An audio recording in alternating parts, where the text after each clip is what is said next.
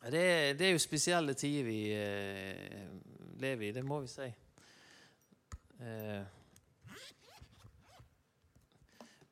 jeg, jeg må jo innrømme at eh, her på, på, på, si Berget jeg ser liksom de står i kø altså De sitter i kø i bilene nede i, i Italia, i Belgia. liksom, altså de det sitter syke folk i bilkø inn til sykehuset, for de kommer ikke inn på sykehuset. så De sitter altså syke i bilen.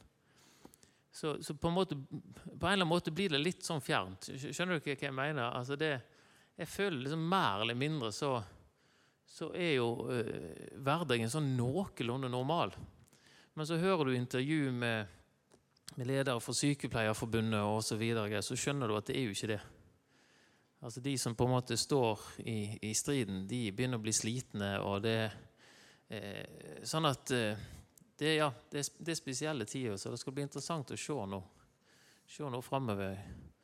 Jeg vet ikke dere som er i helsevesenet, er det sånn at alle er på en måte innkalt og står klar, eller?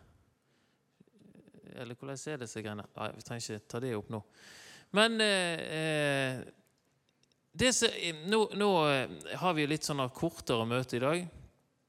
Eh, så egentlig er det nesten mer en appell eller en, en tale, dette her. Nå får vi se om, om skjermen kommer opp. Eh, det betyr sånn sett ikke så mye, annet enn eh, hvis vi hadde vært old school nå, så hadde jo alle hatt med seg Bibel. og sånn kunne man sånt. Men eh, skal, jeg skal komme tilbake til, til eh, bibelversene og sånn, egentlig. Jeg skal bare innlede litt først. For det som jeg har lyst til å ta tak i i deg det er egentlig, i dag, er egentlig eh, Ta oss utgangspunkt i noe vi har snakket mye om på jobb. i, i liksom, Jeg holder jo på med disse mediefagene og sånt. Så eh, vi er kommet til, til, siste delen av denne eh, disippelskapet i 3D-runden eh, vår. Og, og, vi holder på med, med, det som vi kaller for praksis. Altså det eh, hvordan eh, Knut tok jo for seg sist eh, altså typiske kristne praktis, praksiser da, med Bibel og bønn og nattverd og sånn.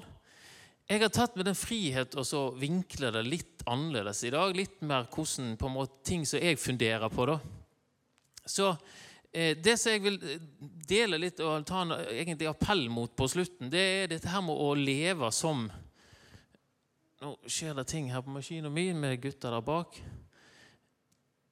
Men det å leve som en disippel, eller en krist, som en kristen, hvis du vil bruke det uttrykket eh, I det som jeg har kalt i et informasjonssamfunn på steroider. Eh, så det er egentlig det altså, eh, Å leve altså, som en disippel i et informasjonssamfunn på steroider har jeg kalt dette her i mitt år. Og det som jeg mener med det, det er altså eh, Vi havner altså i en situasjon i, i verdenshistorien der vi vi, vi drukner i informasjon.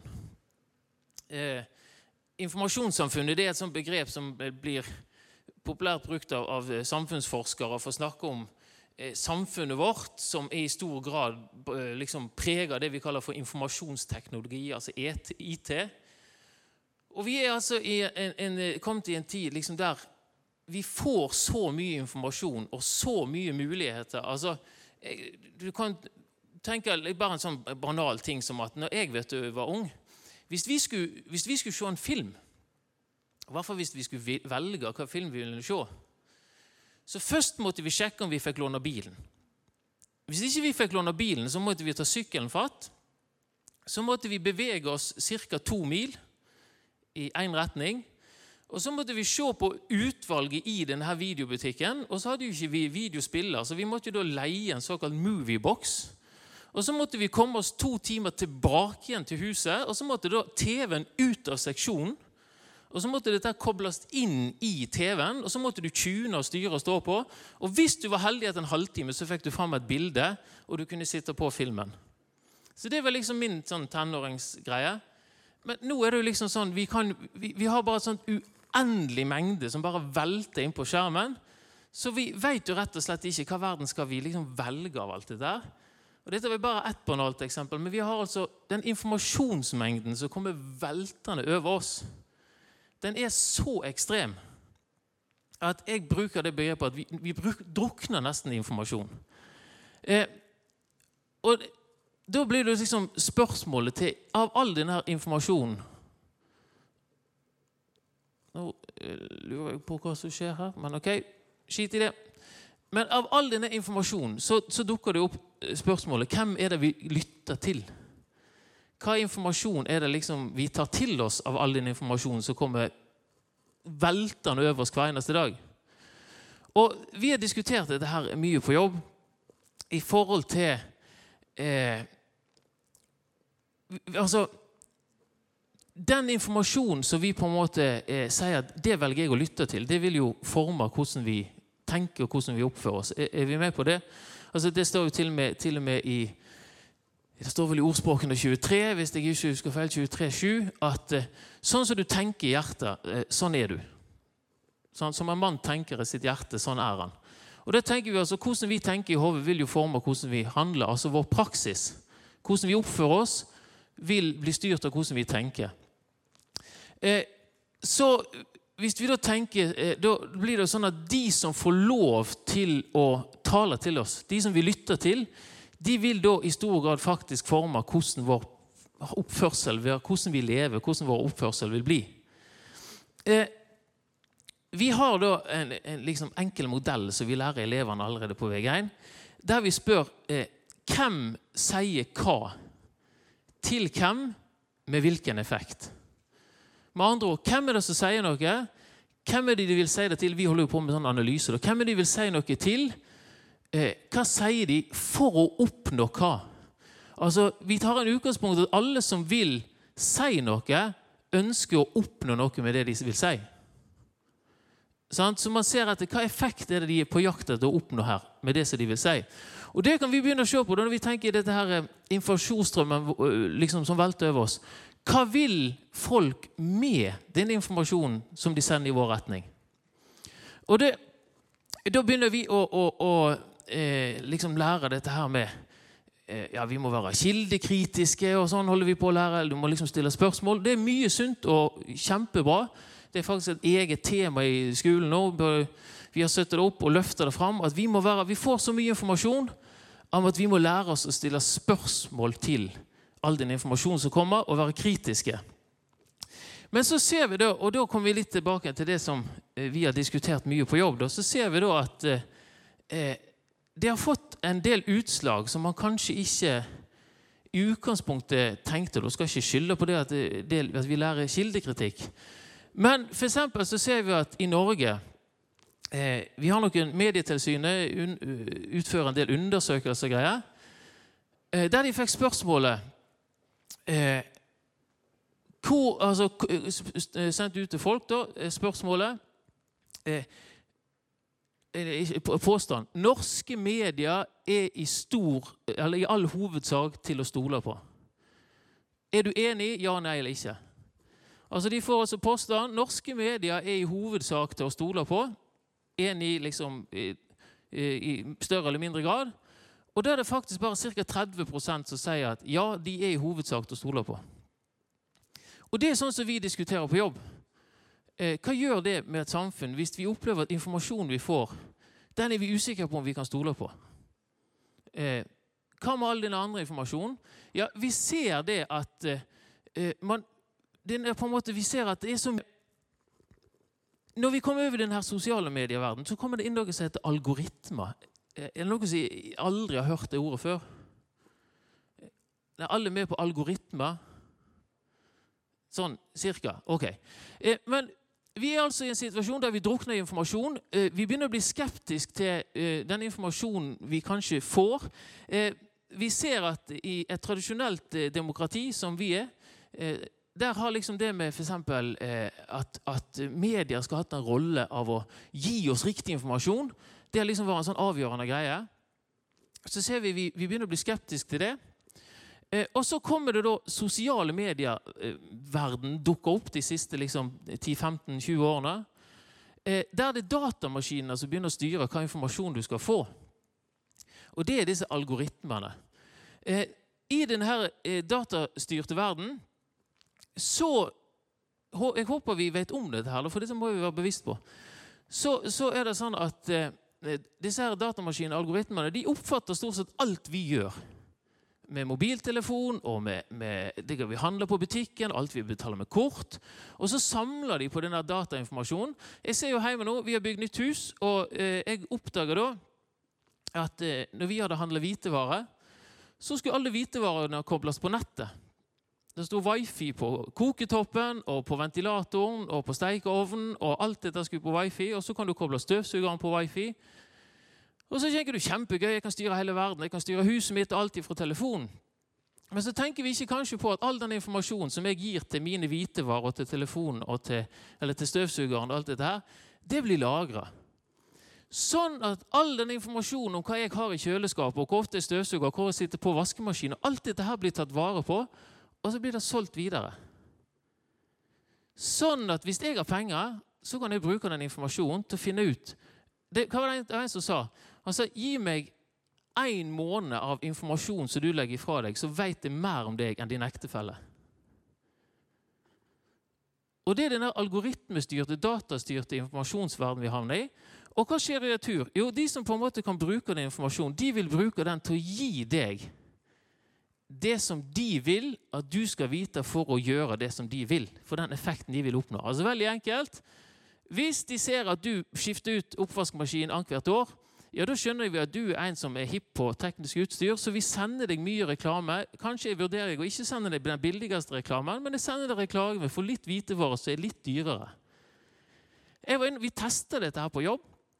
Eh, og så skal jeg komme inn til, til bibelordene til slutt. her. Vi testet dette her på jobb. Vi gikk inn og skulle kjøpe det samme headsetet på samme butikken, og vi får forskjellig pris. Fordi at noen av oss har vært inne og sett på dyrere utstyr før. Så da forventer algoritmen at du er villig til å betale mer for headsetet enn han andre som bare var og sett på Elkjøp. Så velkommen til liksom, den verden som på en måte der, denne informasjonen vi får, er ikke bare tilfeldig, men blir da skreddersydd for deg. Og Da kan vi ta neste punkt. Hva skjer da? Eh, når, vi eh, Når denne informasjonen da blir eh, sendt til oss, så trykker vi kanskje på eh, 'jeg liker noe', eller 'jeg deler noe', 'jeg syns noe er spennende'. Kanskje jeg har fått et eller annet sånn, en artikkel sendt i min vei. Jeg trykker 'lik del', 'del lik' osv algoritmene oppfatter dette. 'Å ja, du liker det, du.' Ja, Da sender jeg deg mer av det stoffet. Eh, du, du, er opptatt av de sakene. Ok, ja, men da sender jeg deg mer av det stoffet. Og det som oppstår da, det er det vi kaller for et ekkokammer. Det som du liker å dele, det får du mer av. Og Det vil føre deg til det at du vil få bekrefta det du allerede er opptatt av. Men du vil få mindre og mindre spørsmål om det som på en måte altså Du får ikke få de sakene som du ikke er interessert i, eller som stiller spørsmål med det du står for, de vil du få lite av. For de selger ikke. De kan ikke klistre reklame på noe som du bare blar forbi. Nei, Det der er ikke interessant. Det er helt tåpelige greier. Bare måker forbi det. Men de kan klistre reklame på alt du åpner, alt du deler. Sånn at Vi er altså i et samfunn der eh, I medieteorien så kaller vi liksom dette her for eh, de mektige mediene. De har hatt masse greier, vi skal ikke se på det, men de har hatt liksom masse sånn synspunkt på hva, hva, effekt har media på oss. Og Det som de har oppdaga de siste 50 årene med forskning, det er at hvis vi kan få gjentatt et budskap nok ganger over lang nok tid, så vil du dreie dine meninger. Og når vi da havner ned i disse ekkokamrene, at vi får veldig mye liksom, av det samme stoffet, og datamaskiner fanger opp dette, her, så kan de som vil endre holdningene dine, benytte seg av den informasjonen. Til å sende deg saker som du allerede vet, de vet du vil åpne og du vil like, men vi gjør en liten dreining. Vi kan ta og flytte litt på innholdet, sånn at du vil åpne det, men vi gir deg litt ny informasjon. Jeg med å gjøre det på den måten så vil jeg sannsynligvis ikke få en som stemmer rødt, til å stemme Fremskrittspartiet.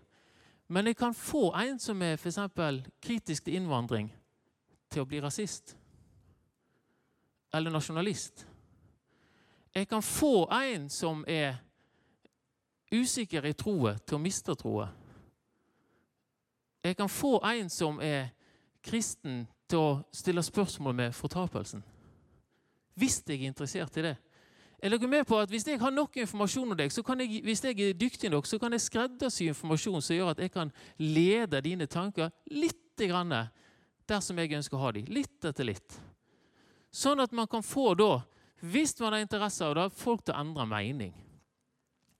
Ikke hoppe fra A til Å, men jeg kan skyve det litt på veien.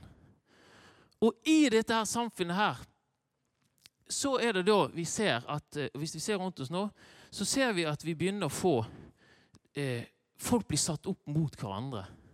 Man får en sånn polarisering.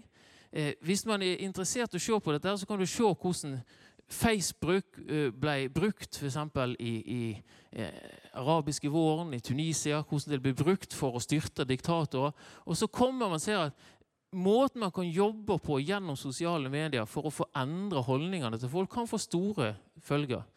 Man ser at det er blitt opprør og demonstrasjoner. I, i USA så hadde vi et tilfelle der man hadde faktisk interesse av å lage konflikt.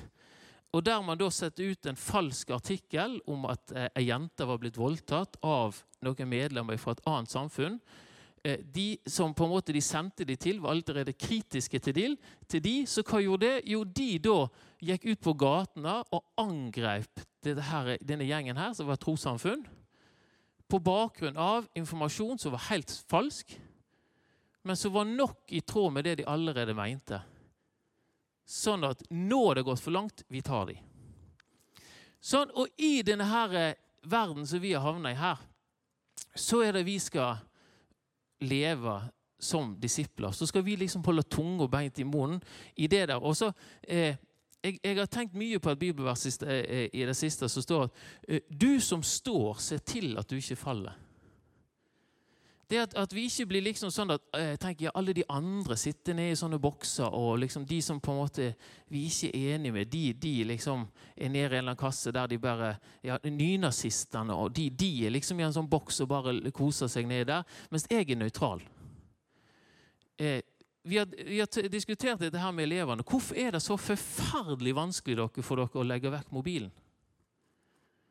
Hvorfor er det liksom sånn at eh, du spør ungdommer, så vil de heller ha knekt hånda enn å knuse mobilen.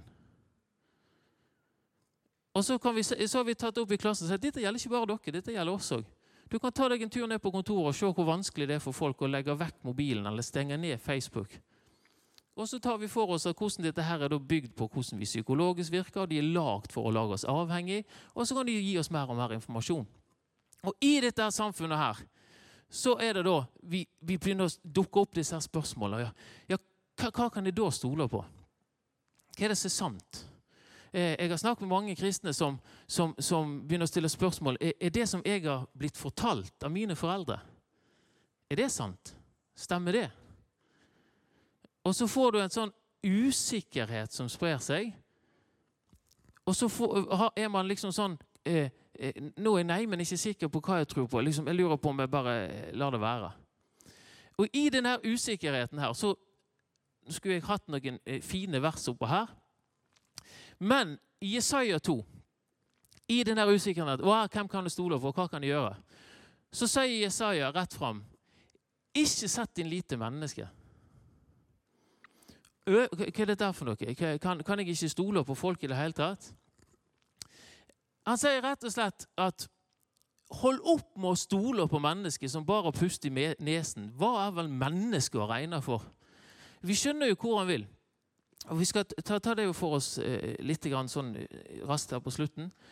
Men det at når vi Selvfølgelig skal vi stole på at liksom, okay, en arbeidskollega gjør jobben sin, og at hvis, hvis, noen gjør deg en tjeneste, så gjør de den. og sånn. Eh, selvfølgelig, Vi stoler på folk i den forstand, men det som han sier er at når du kommer til tro dem, så må du ikke stole en lit til et menneske, for mennesket kan svikte. Og Så tenker vi ok, det var litt sånn, jeg, jeg må jo kunne stole på de folkene jeg har hatt rundt om meg. Ja, det, det, blir verre, men vi tar én ting først. Så sier han at ikke sitt til dine lite lederne. Altså Han sier ikke stol på fyrstene, for de, liksom, du vet aldri hva de kan komme på. Eller de som leder an. Ikke stol på de, for de er òg mennesker. Og vi kan jo si at ok, Hvis du har basert hele troen din på at en eller annen kristenleder skal oppføre seg eh, riktig, rett og riktig, så ser vi at ser vi rundt oss hvor mange store kristne ledere er ikke så godt på en smell. Vi ser det sant? sånn at Hvis jeg har bygd livet mitt på nå, nå, ser vi, Jeg aner ikke hva som har skjedd, men vi så, jeg vet ikke om dere så nå i, i, Hillsong i New York, så fikk han sparken, han hovedpastoren, pga. et eller annet moralsk greie. Jeg aner ikke hva det er.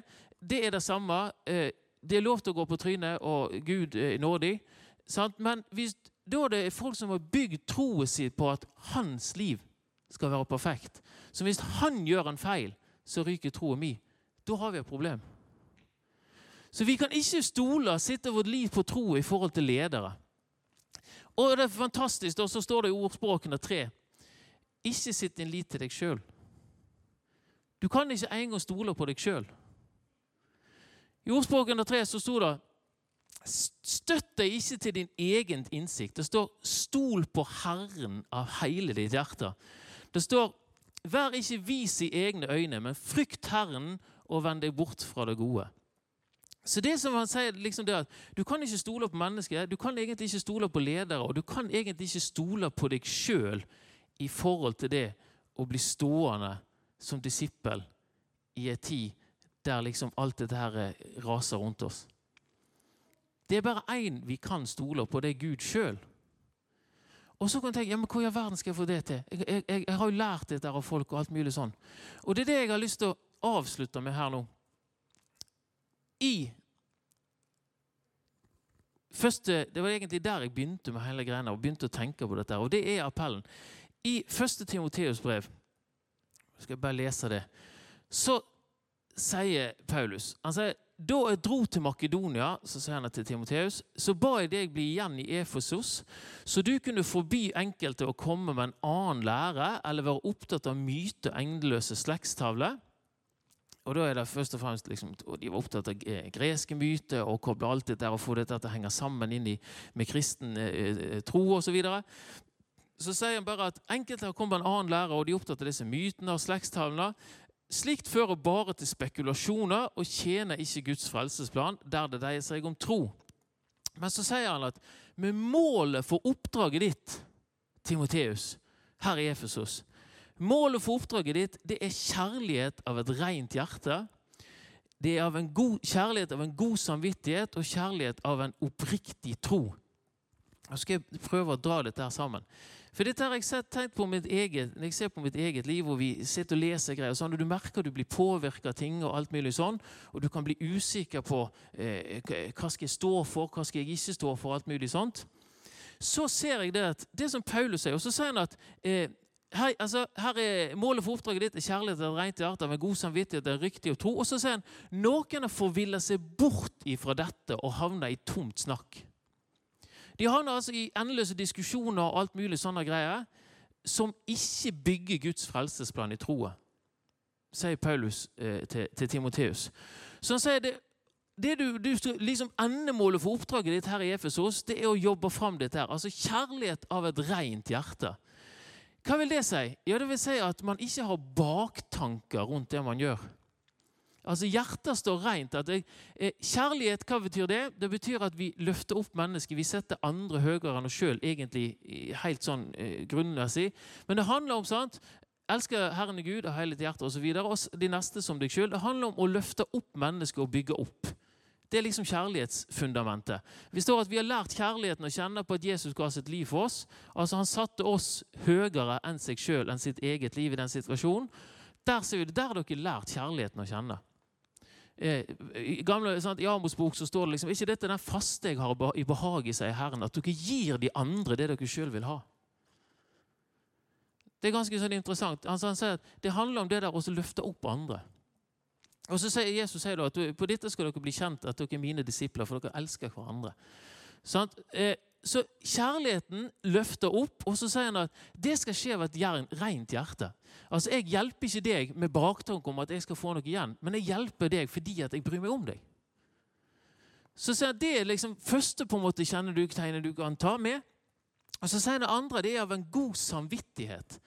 Ja, Hva vil det si? Ja, Det vil si at vi eh, moralsk sett så, altså, vi, vi, har de riktige verdiene. Det er ikke sånn at jeg kjenner litt sånn bismak i munnen for det jeg gjør. Jeg gjør det med en god samvittighet og kjenner at det jeg gjør nå, det gjør jeg ikke fordi at liksom eh, eh, jeg, jeg, opplever at jeg går i en eller annen gråsone når jeg gjør det. eller et eller annet sånt. Nei, min samvittighet innenfor Gud den skal være ren, rent sånn at jeg opplever det jeg har gjort, rett. Så jeg gjør det med en god samvittighet. Og så går han det siste punktet, og så sier han med ei oppriktig tro. Motsatt av oppriktig det er å være hyklerisk. Altså det, det vil si at når jeg lever mitt liv som en disippel i denne verden, så ønsker jeg å hjelpe mennesker. Jeg gjør det uten baktanker. Jeg gjør det i en god samvittighet. Men så gjør jeg det òg i en oppriktig tro. Det vil si at jeg, når jeg gjør det, så betyr det egentlig at jeg tror at jeg har gjort det som er riktig. Det er det å være oppriktig. Ja, jeg, jeg gjør det, og så er jeg helt ærlig på at det jeg tror nå, det var riktig. Så er det fantastisk å lese videre. Ok, Så kan vi tenke at ja, men hva skjer da? Hva skjer hvis jeg da eh, gjør et eller annet som viser seg at det var skikkelig dumt? Hva skjer da? Og Det er det fantastiske som Paulus sier her på slutten. Han sier at 'jeg gjorde masse ting' som jeg trodde oppriktig var riktig. Oppriktig var riktig. Altså, Paulus holdt på og uh, gjorde, uh, forfølgte folk, og greier, men han trodde han gjorde Gud en tjeneste. Han gjorde mye forferdelige greier. Og hva sier han? at Fordi at jeg gjorde det Han sier men han var barmhjertig mot meg, for i min vantro så visste jeg ikke hva jeg gjorde. Altså, Jeg handla på en måte Jeg trodde det var greit etter den gamle pakt. Han trodde det var greit, men når det ikke var greit, og Gud viste han det, så møtte han hva da? Møtte han pisk og fordømmelse? Da møtte han nåde fra Gud. Hvis vi tenker på hva Paulus har gjort, så møter man Så hvis man gjør ting i en oppriktig tro, og man går feil, og Gud viser deg det, så møter du nåde. Og Det gjør at vi kan vandre gjennom dette livet liksom med, eh, med en innstilling av at jeg ønsker å gjøre det som er rett. I dette her vanvittige kaoset vi lever i, så ønsker jeg å gjøre det som er rett. Men hvis jeg gjør feil, så møter jeg nåde fra Gud. Så det er liksom den der eh, appellen som jeg har lyst til å ligge inn her. Nå tikker vi helt mot slutten. I dette her kaoset der jeg opplever veldig mange unge som eh, spesielt du snakker med, som er veldig usikre. Hvor skal vi gå? Hva skal vi gjøre? Hva skal jeg tro på? Kan jeg tro på det mine foreldre har sagt til meg? Jeg stiller spørsmål med det som jeg har lært, og alt mulig sånn. Punkt én Gi deg enda over til å stole på Gud. Altså, hva, hva, hva, vi kan tenke liksom sånn ja, men det, det, høres så rart ut. Nei, men Gud er virkelig. Gud er til stede i vår hverdag. Mennesket kan svikte, men han svikter aldri. Så det er bare en sånn uavhengig av hva vi føler og kjenner. og liksom sånn, ja, men jeg er ikke sikker, er han der? Bare å stole på at Gud er med deg. Jesus sier at 'jeg skal være med deg alle dager så lenge verden står'. Det å bare få den tilliten lagt der at selv om jeg Eh, stresser og stiller spørsmål og veit ikke helt hvordan jeg skal få dette, og blir bombardert med ting som prøver å røske tak i meg og rive ned og stille spørsmål. Bare si at jeg stoler på deg, Gud. Jeg har snakket med folk som har mange folk faktisk som har opplevd en sånn slags troskrise. Jeg, jeg, aner egentlig ikke hva jeg skal tro på, men jeg klarer ikke å slippe opp én ting. Det at Gud må være virkelig. Man stiller spørsmål med alt mulig annet, min opp, liksom intellektuelle opplevelse og forståelse av ting. Men jeg klarer ikke å slippe tak i Gud. Så sitt din lit til at Han er der. Og så prøver vi å gå gjennom livet med kjærlighet av et rent hjerte, en god samvittighet og en oppriktig tro. Og så må vi ha tillit til at Han som er troens opphavsmann og fullender, han skal lede oss gjennom. Istedenfor at man liksom blir sånn Nei, jeg vet ikke jeg bare, dette, dette funker ikke, greier. Det å venne seg til Gud. Bare avslutte med det. Verset ble veldig viktig for meg for i, når jeg sto i en troskrise for 20 år siden. Er du oppreist med Kristus, så la ditt blikk være festa på Han som sitter der oppe, og ikke på det som skjer rundt oss i verden. Vi aner ikke hva som skjer. Nå har vi liksom, De begynner å kalle denne nye generasjonen for krisegenerasjon. Man snakker om klimakrise, man snakker om koronakrise. og så Hva, hva skjer med en, en, gjeng som vokser opp? Hva hvis vi får en ny pandemi om fem år? Altså En, en generasjon som vokser opp i et samfunn som bare snakker om krise. Hva vil du gjøre med dem? I denne tida så må vi løfte blikket og sette det fast på Han som er der oppe, og ikke på det som er på jorda. Og 100% sette hvor lite Han Han fullfører det, han bærer oss gjennom. Han kjører dette her gjennom. Jesus sier det at mon tro vi finner troen på tilbake på jorda når jeg kommer tilbake igjen. Jo, hvorfor finner han troen tilbake igjen på jorda? Fordi at det er han som har holdt oppe. Det er han som har kontroll på de tingene, og vi må sette vår lit til han. Jeg ser det er så mye nå at man begynner å skal finne ut av og Jeg klarer ikke å finne ikke svarene, og derfor så kollapser det. Løft blikket. Ikke sitt din lit til din eget intellektuelle og din egen forståelse, men sett din lit til Gud. Så får jeg si, dette her eh, vi står i, og usikkerheten alle disse tingene her, det får gå sin gang. Men vi vet det er én som er i går og dag den samme til evig tid. Og der må vi holde vårt fokus. Amen.